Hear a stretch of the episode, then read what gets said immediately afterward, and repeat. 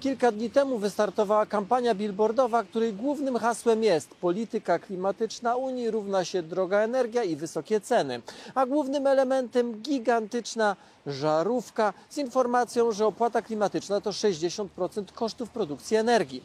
Przekaz jest jasny. Gdyby nie opłata klimatyczna narzucona przez Unię, za energię płacilibyśmy tylko 40% jej dzisiejszej ceny. Otóż to jest nieprawda i to podwójna. Kampania, o której dzisiaj opowiem, jest bałamutna i manipuluje faktami oraz stara się zrzucić winę z tych, którzy ją ponoszą i pomyśleć, że tę kampanię nazwano kampanią edukacyjną.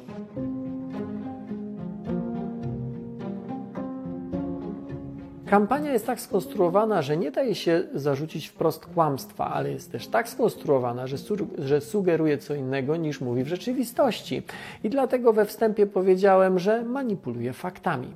Kampania jest y, zrobiona z dość dużym rozmachem i w sumie kto bogatemu zabroni. Spółki energetyczne to najbogatsze spółki Skarbu Państwa, najbogatsze i coraz bogatsze. Tak, tak, zyski spółek energetycznych cały czas rosną, a rosną, bo gdy rośnie cena gazu, zwiększa się popyt na energię elektryczną, a to podnosi marże spółek energetycznych.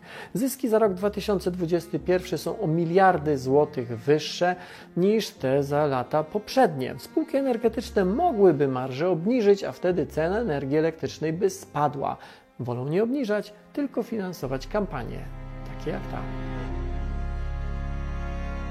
Zacznijmy od hasła kampanii, czyli polityka klimatyczna Unii równa się droga energia i wysokie ceny. Prawda to? Zasadniczo nie tylko w przypadku energii elektrycznej, ale także wody albo odpadów, ten kto śmieci, ten ponosi koszty. Jak obniżyć koszty?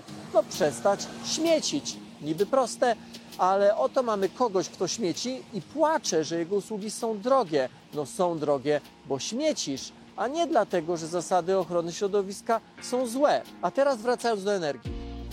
U podstaw polityki klimatycznej Unii leży przekonanie, że rosnące stężenie gazów cieplarnianych jest odpowiedzialne za zmiany klimatu.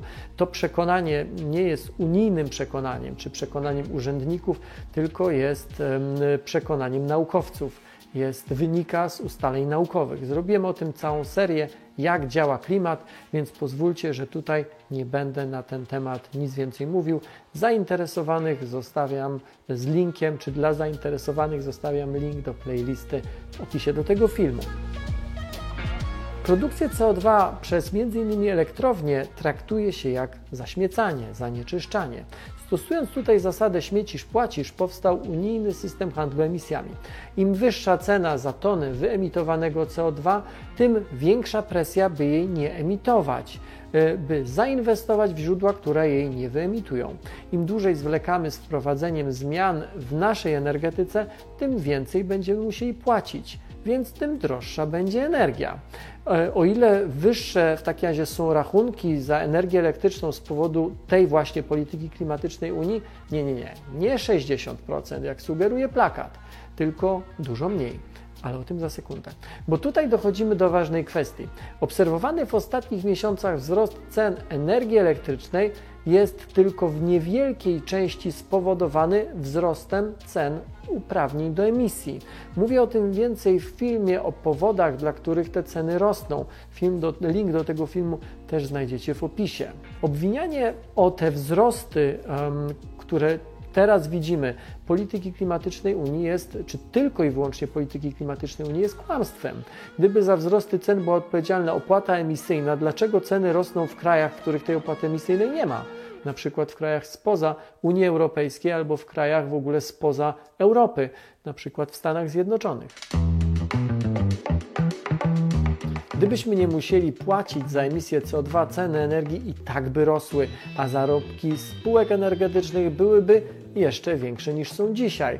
Europejski system energetyczny jest jak połączone naczynia i bardzo dobrze, że działa jak połączone naczynia, bo gdyby nie e, te połączenia, musielibyśmy ponieść ogromne koszty, na przykład na utrzymanie tak zwanej rezerwy wirującej, czyli zapasu mocy w sieci na wypadek wahań produkcji chociażby wiatraków czy z ogniw solarnych. Po drugie, gdyby nastąpiła u nas jakakolwiek awaria u nas w systemie krajowym, mielibyśmy blackout, o którym też zresztą zrobiłem film i też go znajdziecie na Nauka to lubię. E, a tak, mając niedobory w sieci, po prostu ściągamy je z zagranicy. A wracając do kampanii, to jak to jest z tymi kosztami polityki klimatycznej Unii i tymi 60%? Zwróćcie uwagę, że na plakacie jest informacja o koszcie produkcji energii, a nie o rachunkach za energię, a to ogromna różnica, bo cena, jaką płacimy za prąd, składa się z trzech równych komponentów. Pierwszy to produkcja energii, drugi to opłaty, jakie zabierają firmy przesyłające energię i trzeci, w sumie największy, to podatki krajowe. Tych 60% z tej żarówki dotyczy tylko pierwszej części wykresu, czyli produkcji energii. Plakat mówi prawdę, że około 60% kosztów produkcji to opłaty wynikające z polityki klimatycznej, ale na naszych rachunkach to już jest tylko około, czy to już jest około 20%. Jasne, to wciąż dużo, ale po pierwsze 20% to nie 60%, a po drugie spójrzcie jeszcze raz na ten wykres. W podatkach państwo zapiera prawie dwa razy więcej niż opłata klimatyczna Unii. Znajdujecie te informacje na żarówce? Ja nie. W tej kampanii jeszcze raz, to jest kampania edukacyjna. Najbardziej boli mnie jednak co innego. Ten rysunek sugeruje, zresztą nie tylko rysunek, ale też wiele wypowiedzi, że tych 60%, które w rzeczywistości są około 20% na rachunku, że to jest jakiś rodzaj podatku, który z naszych kieszeni z Polski wędruje do Brukseli. Ale to jest nieprawda. Cały system co do zasady działa w ten sposób, że opłaca się inwestować w technologie, które są zeroemisyjne albo niskoemisyjne. Pieniądze na te inwestycje pochodzą za to ze źródeł, które są wysokoemisyjne. To ważne, by zrozumieć, że tutaj żadne pieniądze nie są przesyłane do Brukseli, do Strasburga albo do Berlina. To jest system, w którym te pieniądze zostają u nas. Żeby złapać kontekst, ile tych pieniędzy jest, w ciągu ostatnich pięciu lat z systemu handlu emisjami tych pieniędzy było prawie 60 miliardów złotych. W zeszłym roku to było ponad 25 miliardów. Od nas zależy, czy od razu te pieniądze przejemy, czy też wydamy je na inwestycje. I dlatego uważam, że ta kampania z edukacją nie ma nic wspólnego, bo jest bałamutna i manipuluje przekazem, a pośrednio wpływa na to, że ceny będą rosły dalej, bo nie będzie presji nie na Brukselę, tylko na polityków w Warszawie, żeby inwestować w ekologiczne źródła energii. Ekologiczne mam na myśli mm, zeroemisyjne albo niskoemisyjne. Wbrew przekazowi z billboardów, to nie polityka unijna jest trwałym czynnikiem podnoszącym ceny energii elektrycznej, tylko polityka warszawska albo krajowa. Tym trwałym czynnikiem jest brak inwestycji w nowoczesne źródła energii. Pieniądze pozostają w rękach rządu, pozostają w budżecie, nie wędrują za granicę. Pozwolenia na emisję CO2 rząd może sprzedać i mieć żywą gotówkę i wtedy i wydać ją na coś i wtedy rzeczywiście w długiej perspektywie będą rosły ceny energii. Albo może te pieniądze wydać na technologie, które nie wymagają zakupu dodatkowych limitów i wtedy cena energii nie będzie rosła. Tak swoją drogą, system handlu emisjami, ten europejski system działa od jakichś 20 lat. Wszyscy wiedzą, jak jest skonstruowany i nie rozumiem, skąd akurat dzisiaj takie emocje, tak jak gdyby niektórzy odkryli ten system dopiero dzisiaj. Dziwię się czemu innemu. Skoro system działa już tak długo, dlaczego nasze firmy energetyczne nad swoimi strategiami dekarbonizacji zaczęły pracować dopiero tak niedawno? Na przykład firma Tauron swoją strategię przyjęła niecałe 3 lata temu, bo w 2019 roku. To biadolenie na złą Unię nie przeszkadza spółkom energetycznym, tym samym spółkom, które sfinansowały kampanię, ubiegać się i dostawać unijne dotacje na działania proekologiczne. Na przykład takie dotacje dostała, czy takie granty, dotacje z funduszy unijnych dostała PGE Termika, Tauron Wytwarzanie czy Enea Połaniec. To wszystko da się przecież sprawdzić. Więc powiedziałbym tak.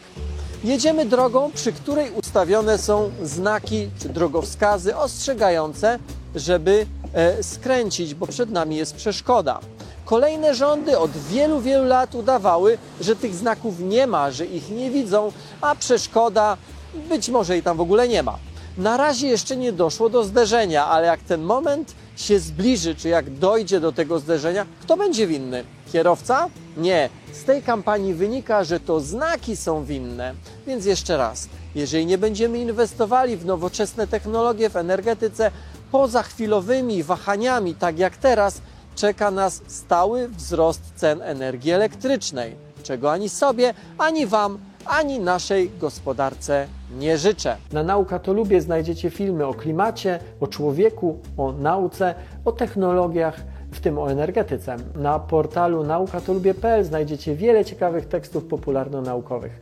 Zerknijcie na nowy serwis dla dzieci Nauka to Lubię Junior. Znajdziecie go na górnej belce strony naukatolubie.pl. A jeżeli macie ochotę wesprzeć to, co Nauka to Lubię robi, zapraszam na zrzutkę.